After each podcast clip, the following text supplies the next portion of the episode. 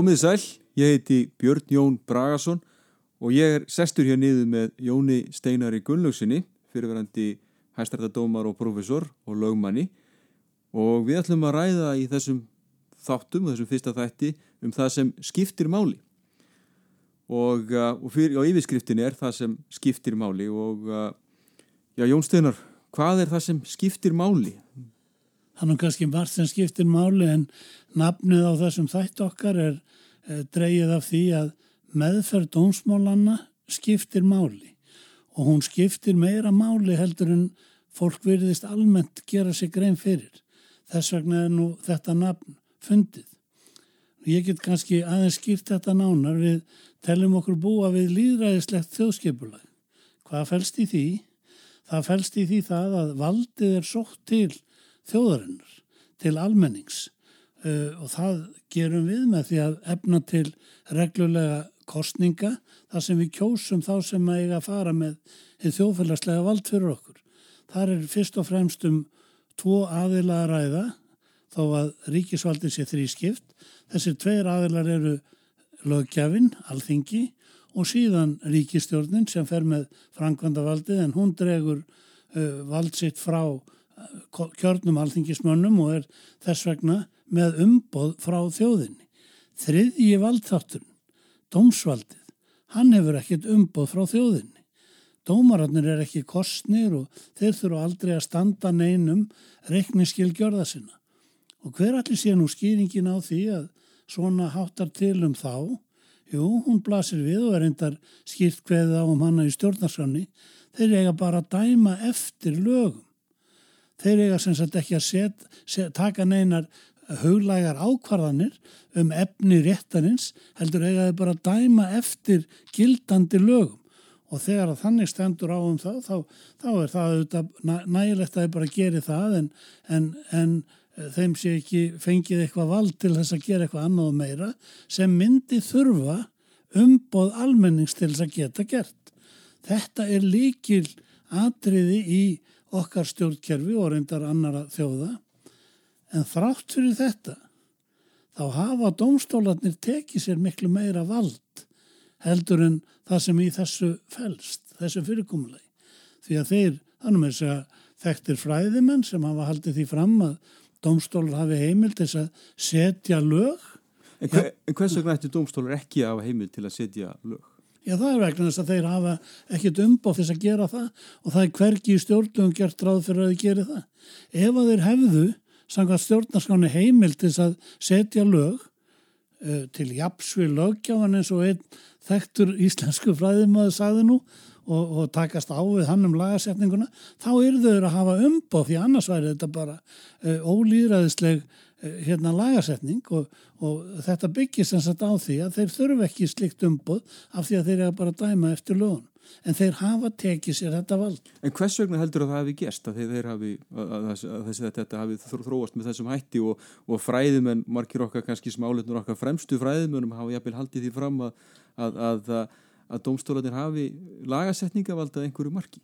Já, ég hef auðvitað, hefur maður hugmyndir um það akkur þetta er, sko ég er nú á þeirri skoðun að vald spillir og, og hérna þegar að menn fá í hendur vald til þess að taka ákvarðanir fyrir aðra eða sem skipta máli fyrir aðra, að þá hafa þið tilneingu til þess að gera meira heldur en það sem þeir hafa í raun og veru vald til að gera eftir hinn um formlugu reglum vegna þess að hvað, það er gaman að geta farið með vald og tekið ákvarðanir sem eru bindandi fyrir aðra og þess aftar. Ég held að margir kannski byrja sem dómarar vitandi um það hvaða takmarkanir gilda á, á aldur en leiðist svo út í slíkar hluti vegna þess að þeim finnst kannski einstökum málum að hlutin ættu að vera einhvern veginn en þó þau séu það ekki. Ég held að það sé þýðinga mikið fyrir alla sem taka við starfi sem dómarar að byrja á því að kynna sér e, til hlítar það sem ég kalla valdmörk dónstóla. Ég gaf nú bókum um það, um fordæm og valdmörk dónstóla vegna þess að allir sem fara með vald, þjóðfélagslegt vald, þeir verða að byrja að skilja hvaða, hvaða takmörkonum þurfa þeir að sæta. Og, og það er auðvitað þýðinga mikið að þeir átti sig á því. Nú, já, þú spyrir hvers vegna fara menn út fyrir, þetta? Við eiga nú að Guðlofar eftir að í þessum þættu og, og fleirum eftir að víkja kannski að einhverjum dæmum þar sem að domstólar sínilega fara út fyrir þá heimild sem þeir hafa og, og þá geta auðvitað menn velti fyrir sér akkur það er. Uh, hérna uh, það er reyndar þannig að, að og ég get sagt frá því að þegar ég var ungur lokfræðingur til dæla ný skriðin frá próborði að þá varði ég varfið það að kennarinn í lagadelt Háskóla Íslands sem kendi sjálfa aðferðafræðina, grundvöllin undir starfsháttum dómstóluna. Hann var að kenna það að, að dómstólar settu lög. Hann skrifaði til dæmis í rítgerð sína þennan texta hérna. Viðurkendi er að dómsvaldið eigi að vera sjálfstætt og því meiga dómstólar aldrei verða ambátt lögkjafans. En þetta hefur enga merkingu, segir hann, nema dómsvaldið hafi sjálfstæðar valdheimildir nokkur meginn til jafnsvílaugjaman til að móta reglur sjálfstætt eða minnstakosti til aðhalds og mótvægis. Og ég held nú ekki og tók hérna hári raust til ansvara við þessum kenningum sem ég held að, að, að séu til þess fallin að, að ég spilla þeirri stjórnskipun sem við erum með vegna þess að dómstólar hefur ekki hafa neina svona heimildir og Og það er þetta ekki bara þessi fræðimað sem er haldið þessu fram, það eru margi fleiri sem hafa gert það, menn þekkja kannski hugtakið aktívar lögskýringar, lifandi lögskýringar. Framsæknar. Framsæknar lögskýringar er til líka. Já. Hvað ætli það sé? Það er bara eitthvað sem fælst í því að, að við lögskýringarna þá fari dómararnir fram úr sjálfum sér. Það er að því leiti til ágætt orð framsækinn lögskýring því, því að þar er þeir komið sko yfir í það að móta einhverja reglur sem þeir hafa enga heimild þess að gera sko. Já. Og þetta er það sem að, að ég hef, og það má nú eiginlega segja það að ég hafi síðan varið uh, lögfræðið ég minni, ég er auðvitað búin að vera önnum kafin í störfum bæði sem lögmar og dómari en ég hef fjallað mikið um þetta og, og hérna alveg frá, já, eh, ég gaf út bók sem hér Delta Dómaran á einhver mann kannski eftir. Hún kom út 1987 og hún var nú bara um það hvernig stæði á því að hæstiréttur Íslands dæmdi mannum aldrei þau mannréttindi sem á stjórnarskáin hvað áum að þeir ætti að njóta. Og, og, hérna, og það var alveg förðulegt að, að, að fylgjast með því. Að skrifa þessa bók um það og, og ég held nú fyrst að enginn hefði lesið hana en síðar hef ég orðið var við það að hún var mikið lesin og ég held hún hafi haft heilmikil áhrif. Til dæmis var það svo að árinu 1995 var, voru gerða breytingar á mannrættindakabla stjórnarskrárunar og það var margt leiðrétt í, í þeim, við þær breytingar og ég held að þessi litla bók mín hafi haft sí, sitt að segja við, við þær breytingar. En var það ekki meira að segja þannig þegar þú varst að byrja sem lögmaður þá að vera amastjapil við því að þú verður að vísa mikið í margirtinda ákveði stjórnarskrafna? Jú, það var alveg lenska þegar ég var að byrja sem málflýtjandi að hann er nú ágætur málflýtjandi þessi Jón Steinar, heyrði ég haft eftir einhverjum dómaran í hestarétti en hvað er hann alltaf að tala um stjórnarskrafna og mannréttindir í stjórnarskrafna? Þetta var viðhorfið, það var og, og, og í þess dómatin sem ég fjallaði um í þessari bók þeir voru bara þannig að það var, það, það var ekkit fjallað um það. Hvers vegna ekki var tekið tillit til málflutnings um, um mannrettindin, það var bara ekki vikin einu orði að því. Nei, og, og, og þetta er kannski, kannski með megin rauksöndum þá þinn sem málflutjanda sem hæstirðu tekur ekki afstöðu til einsinni. Það er og það er auðvitað ekki heimilt bara í, við lögfræðilegar úrlausni það, það er eh, á auðvitað að taka afstöðu til allra málsástæðina og líka þeirra sem er hafnað sko. Og, og var, þetta hefur sjálfsagt öruglega bara verið vegna þess að menninni kunnengin rauk fyrir því að hafna þessum, þessum eh, hérna rauksendur sem þarna var telt fram. Og, og menn geta bara að lesa þessa bók hún, hún er til en þá var gefin út 1987 og hún segir alveg hrikalega sög og ég verð nú að segja það að það var nú engin hrypning hjá svona þeim sem að voru ráðandi í lögfræði heiminum í þjóðfélaginu þegar hún kom út. Og, og eins og ég sagði ég held að hún hefði lítið verið lesin en síðar hef ég orðið var við það að það var yngra fólki sem las hana og drakk í sig það sem í henni stóð og það var auðvitað lífvanlegt vegna þess að unga fólki tekur við og, og það er það sem að þarf að, að koma á breytingu. Það er engin, engin, enga líku til þess að við getum kent hinn um gamlu hundum að sitja eins og sagt er í orðtakinu. Því að þeir sitja fastir á sínu, það er nýtt fólk, un, ungt fólk sem kemur með breytingar. En bókin heiti Dilt á dómarinn, það var kannski líka allavega hefur verið til skamstíma hér á landi þá var kannski var ekki mikil gaggríni á dómar og, og, og svona og, og eins og það væri, hálf heilaðir menn. Alveg rétt og það hefur enda lífað alveg fram á okkar dag. Það er eins og að þeir sem að umhefðu átt að fjalla væru hrættir við þetta vald. Kannski voru lögumenn hrættir við það að, að ef þeir gaggríndu dómin þá er það tekið út á þeim í næsta máli sem þeir flyttu sko að, að hérna, þá kemur einhver niðurstaða þeim óhagkvæm vegna svona í eins konar refsingarskinni. Þetta væri nú reyndar alveg hræðilegt ef satt væri og, og hérna vegna þess að þá væri það bara beint dæmum það að það verið að misnóta dónsvaldið í einhverjum svona persónulegum, eh, hvað er það að segja, olbóðskotum eða krytum og það, það myndi aldrei ganga. En ég held, já, já, menn voru hrættir við það, ekki bara lögmenn, heldur líka fræðimenn, þeir sem skrifuðu um lögfræði í fræðiritt. Og ég veit það að til dæmis þegar ég gaf út þessa bók til þá dómarna 1987, þá voru þar kennarar við lagadelt Háskóla Íslands sem hafðu mikinn ama af þessari útgáfu. Það hef ég heilt líka setnað. Svo voru nú reyndar aðrir sem að, sem að hérna, hafðu aðra afstöðu og og meðal hans voru þeir til þar sem að já, lásuði um próvorkverjum á bókinu og stuttum í, í, í þessu, þessu hérna, þessari viðlitni. En hefur þessi ótti lögmanna, við skulum segja svo ekki einhver leiti lifa fram á okkar það, það er ekki margi sem taka undir með þér. Nei, nei, því miður, þeir, þeir klappa mér á baki þeir hitta mig sko, svona þegar enginn sér eða heyrir en, og taka undir það sem ég hef sagt sko, við mig. En, en þeir hérna veginn, og ég er nú einhvern veginn þannig skapikjar og ég get ekki verið að, að skora á menn að taka undir með mér. Þeir verður þetta bara að finna það upp hjá sjálfum sér. Og, og hérna en, en það er vissulega þannig og, og hérna og ég held að það, það er vegna óta sem þeim stafar af meðferð dómsvald þessa sama óta sem ég talað um og reyndar tel ég nú að í mínu starfi sko, eftir að ég gerðist aktífur í þessum skrefum og, og, og eins og öðru að þá hef ég mátt líða fyrir það eða öllu heldur kannski skjólstæðingar mínir.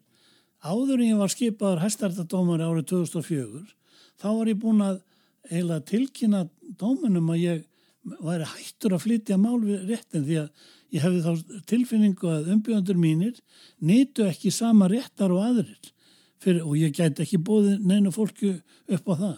Og þarna voru nú orðin einhver, einhverjar orðannippingar eða átök sem að allu því að þeir skrifuðu alveg dæmalausa umsögn þegar ég sótti um dómarembætti árið 2004 þar sem hlutur minn var gerður miklu verri en já, ég held að efnistóttir og margir sem sáu það þetta voru sömu mennir og hafðu áður með hana all leki lindi í samskiptum mínu við þá. Hvart mig til þess að sækja um dómarastarfi hestarétti og ég hafði þá bara ekkert viljað það vegna þess að þá var ég að sinna öðru sko. En svo kom það að því og þá, þá var þetta komið í þetta hodn og ég var settur eitthvað staðar niður á listanum í, í þessara umsögn en ráð þær að skipaði minn og samt. En af hverju varstu settur út af sagramentinu hjá hæstari? Ég lýsi aðdragandanum að skipun minni í bókminni krafti samfæringa sem kom út árið 2014 því að það er kannski stæsti ljóðurinn á mínu ráði að ég hef alltaf talað um þetta sko. Ég skrifa um þetta, ég segi skýringar, mína skýringar auðvitað og skora á aðra að mótmála mér þá ef að þeir eru ósamála því sem ég segi. En það er ítalega lýsing á þessum, já, mér líkum við að segja átökum og sem að voru auðvitað bara þannig að þeir reyndu dómurinn á þeim, þeim tíma var það þannig að hæstiréttur sagði sjálfur uh, mat, lagði sjálfur mat á umsækjarnir og dómarænbætti síðar breytist það og það kom nefnd sem að gera það en hæstiréttur gera það sjálfur á þessum tíma og þeir voru bara einfallega að reyna að hindra það að ég fengi skipun. Eitt er að mættinu og skrifstónu mína og, og hérna gammal vinu minn og óskaði eftir í við með að ég fjalli frá fyrirallinu mínum um að sækja um og byrju hvað, okkur er þetta að byggja mig um það? Já, við getum bara, meira hluti dómarann í réttinu getur ekki hugsað sér að vinna með þér. Okkur ekki. Af því að þú ert svo mikil, þú ert svo mikil eintráningur hefur svo ákveðna skoðanir og eitthvað svona. Þeir ráku það sem að, þeir kölluðu nú sjálfur fjölskyldustemningu sem gekk út á það að vera alltaf allir sammála, vera góðir vínir sko í réttinum og, og hérna á allt það. Ég tók, þeir vissu það reyndar að ég myndi aldrei taka þátt í því og, en hann kemur til minn maðurinn og, og segir mér frá því að ég megi búast við því að verða skadaður í umsökk réttanis ef ég sækja um og hafi ég nú einhvern tíma verið í vafa um það hvort ég sagt um eða ekki þá var til einbeittur ásetningur um að gera það þegar ég heyrði þessi skilabó. En þeir kölluðu það sjálfur fjölskyldu stemning? Já, já, þeir notuðu það og, og það var nú reyndar þannig að, að fyrstu við erum startir hér að þá var, var Kristján Kristjánsson frettamæður með, með viðtali útvarpi við mann sem hefur verið þarna dómar í þessum hópu heitir Eiríkur Tómasson og Eiríkur ánum bara heiðu skilin fyrir það, ég held að það hafi nú verið kannski pinlítið innfældningslegt hjá, hjá honum en hann lísti vinnubráðunum þegar þeir eru að reyna að ná samkómulagi um dómsniðustöðuna. Hann lísti því bara að hann skipti oft um skoðun af því að þeir leiðu svo miklu áherslu á það að vera allir sammála og ég ætla nú að tala um það sko að vera allir sammála dómarar í dómstól. Það er, er hérna, já ég get vikið að því bara hér og nú að, að auðvitað er að þannig að og við, við vitum það allir lögfræðingar að, að niðurstöður í dómsmálum það er ráðast af beitingu þess sem við kallum réttar heimildir. Þar eru þetta efsta, efsta blaði stjórnarskráin og síðan sett lög en ef ekki er að finna ákveði settum lögum um, um það atriði sem verður að deilum þá er leitað í rétt lægri réttar heimildir svo eru nefndan megin reglur laga og eðli máls og þess áttar sem eru mjög vand með farnar en grundvallar atriðið er það að það eru réttar heimildir sem ráða niðurstöðum dómsmálana. Það er engin samningar á milli einhverja mm. lögfræðingar sem hafa verið settir í einhvern hæstaréttar panel sko, sem að eiga að ráða niðurstöðunum og heldur er það þetta bara réttarheimildin og réttbeiting þeirra. Og eitt af því sem ég lendi í deilum við á sínu tíma og enn þann dag í dag er svo að ég segi að þeir sem leysa úr lögfræðilegum álitaefnum, þeir verða sjálfur að ganga út frá því að það sé bara eitt svar rétt þeir eigi ekki val um svörin A, B og C með eftir mismunandi niðurstöðum. En lagan er maður læra jafnvel allt annað. Já, já. Það er að segja að dómar hafi, hafi jafnvel sko, geti, já, geti jafnvel valið um ólíkar lögfræðlega niðurstöðum. Það er alveg það er, það er kent að, að, að, en það er auðvitað að mínum að þetta er algjörlega fráleitar kenningar. En það, ef að þær veru réttar Akkur allir við sjáum þá aldrei í forsendum dóma byrtast forsendur sem hveða á um það að, að það gæti, væri hægt að dæma þetta mál svona og svo væri hægt að dæma það hins einn eftir þessum heimildum og svona en við höfum ákveðið að velja þessalið. Og, e, og ættu við þá ekki að rétta á því ef það er uppi ágrinningur að við sjáum það reynilega þá í séráluti? Jú, líka það, sko dómari sem gengur til þess starfs að dæma mál, hann er ekki skuldbundin neinum nema sinni eigin lögfræðilegu þekkingu. Og var, var, mér var leiðið að hálsi fyrir það að skila sér aðgæðum, okkur allir það hafi gæst það er bara vegna þess að ég fyldi lögfræðilegri samfæringu minni. Sératkvæði mín eru öll ítalega raukstöld og útskýrt á hverju þau byggjast. Og miklu meira betur raukstöld reyndar held ég heldur en margir að þessum dómum sem þau voru nú sératkvæði við. Ég segi það að dómarar eig, þeim ber skilda til að greiða atkvæði eftir bestu samvisku og, og færa fram rökin fyrir henni og ég spyr af hverju allir áfríunar dómstól af hverju allir æðstir dómstól þjóðarinnar sé fjölskeipaður til hvers? Er það til þess að þeir komið sér saman um einhverja niðurstu? Er það ekki bara nóg að hafa einn sem að skrifa einhverja niðurstu? Hann er fjölskeipaður vegna þess að það er verið að leiða saman hérna hæfustu lögfræðinga sem kunna hafa mismunandi sjónamið og til þess að tefla hverju gegn öðru þannig að meiri hluti þeirra ræður niðurstöðin. En þetta er ekki gert til þess að þessir fimm eða hvað þeir eru margir eigi að semja sig áfram að, að niðurstöð. Það er aldrei alveg fráleitt að, að mínum mati og reyndar hljóta allir menn að sjá það að við eigum að beita réttarheimildum og þá er hver og einn dómari skuldbundin til að gera það eftir bestu vitund sinni. Við erum ekki að kjósa eða velja menn og skipa menn í hæstarétt til þess að ákveða það að þessir fimm menn eigi að koma sér saman um niðurstöðun eins og Eirikur Tómasson lísti svo ágætlega í, í, í hérna, útásvitalinu sem ég var að nefna. Hann var eitthvað heiðu skilna Eirikur í einföldni sinni að lýsa þessu svona en það veit ég það að hinnir voru alveg urrandi reyðir yfir hreinskilni Eiriks í þessu útásvitalinu. En að því við erum að tala um grundvallaratriði og þá kannski líka, ættum kannski að gefa því gauma að þessi, að þessar dómar geta gengið gríðalega nærri borgurunum og við kannski og svona mættum, mættum kannski, kannski rifja það þessu upp í þessum það ekki að hérna hér í þessu samtali með hérna hversu alvarlega þessi yngripp getur orðið í líf borgar. Þetta er það ríkisvald sem kengur næst fólki. E, Nýra á alþingi eru sett einhver lag, almenn lagafyrirmæli, í stjórnaráðinu eru teknar einhverja stjórnvaldsákvarðanir.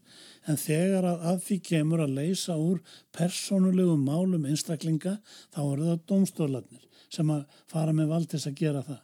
Þeir geta dæmti í fangelsi, marga ára fangelsi, þeir geta svifti fórsjá yfir börnunum þeir, þeir hafa valdið þess að taka ákvarðanur um fjármál þín þannig að þú stendur slipur og snöður eftir ef því er að skip, skipta. Með öðrum orðum að ákvarðanir domstólanna ganga miklu nær fólkinu heldur en allar aðrar ákvarðanir hérna, stjórnvalda.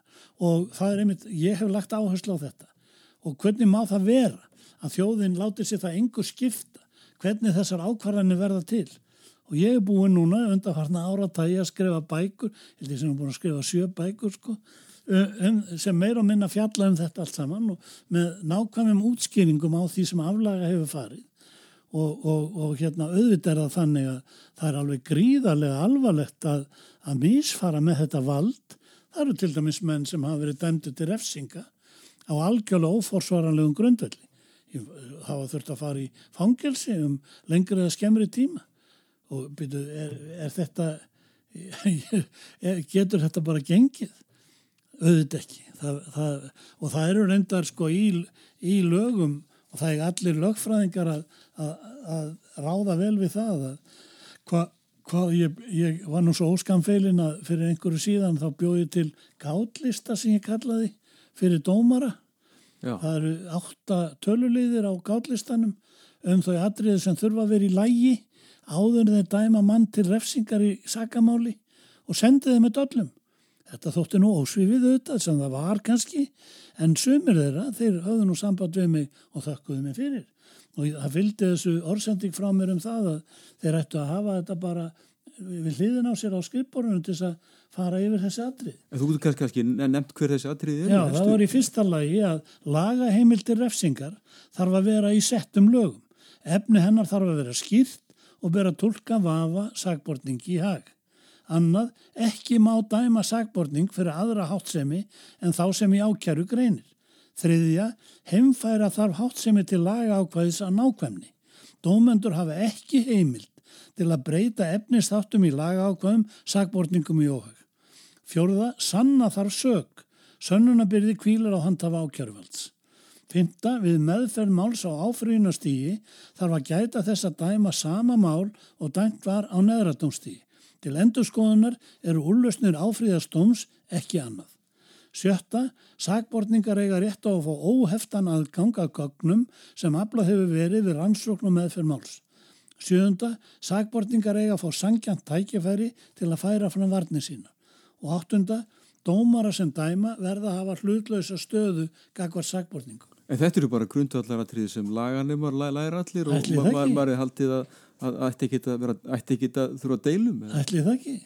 En það er bara þannig að í framkvæmt þá er brotið gegn ymsum af þessum reglum í hennum ymsum málum sko og byrju, það er ástæðan fyrir því að ég taldi ástæðu til þess að, að ég sína að mér þá ósvipni að senda starfandi dómur um þennan lista með þá eh, hugsun að, að þeir hefðu þetta við hendina þegar þeir væri að dæma í sagamálu.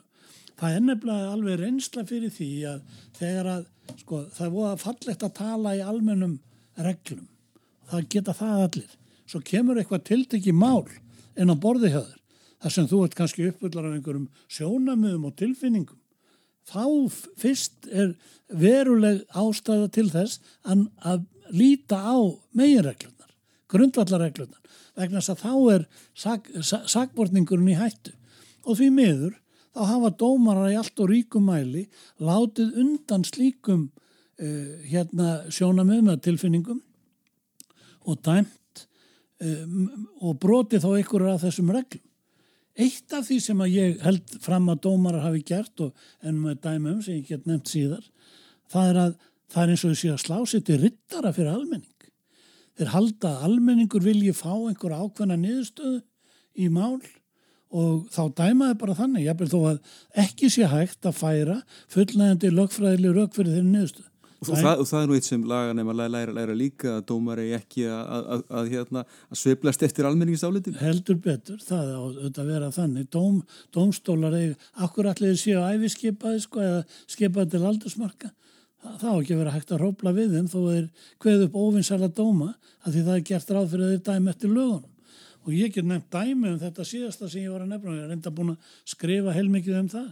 Hér hrundi allt árið 2008 almenningu var reyður. Menn hafðu tapað egnum sínum, atvinnu sinni og, og, og skuldur auksuðum yfir höfu og guðum að vita hvað. Og síðan voru bankamenn ákerðir fyrir að hafa valdið þessu tjóni á, á fjármálum bankana sem að leitu þessar hörmungar yfir fólkið. Og menn vildu auðvitað sjá blóð. Menn sem hafðu tapað peningum og egnum og guðum að vita hvað, þeir vildu sjá blóð.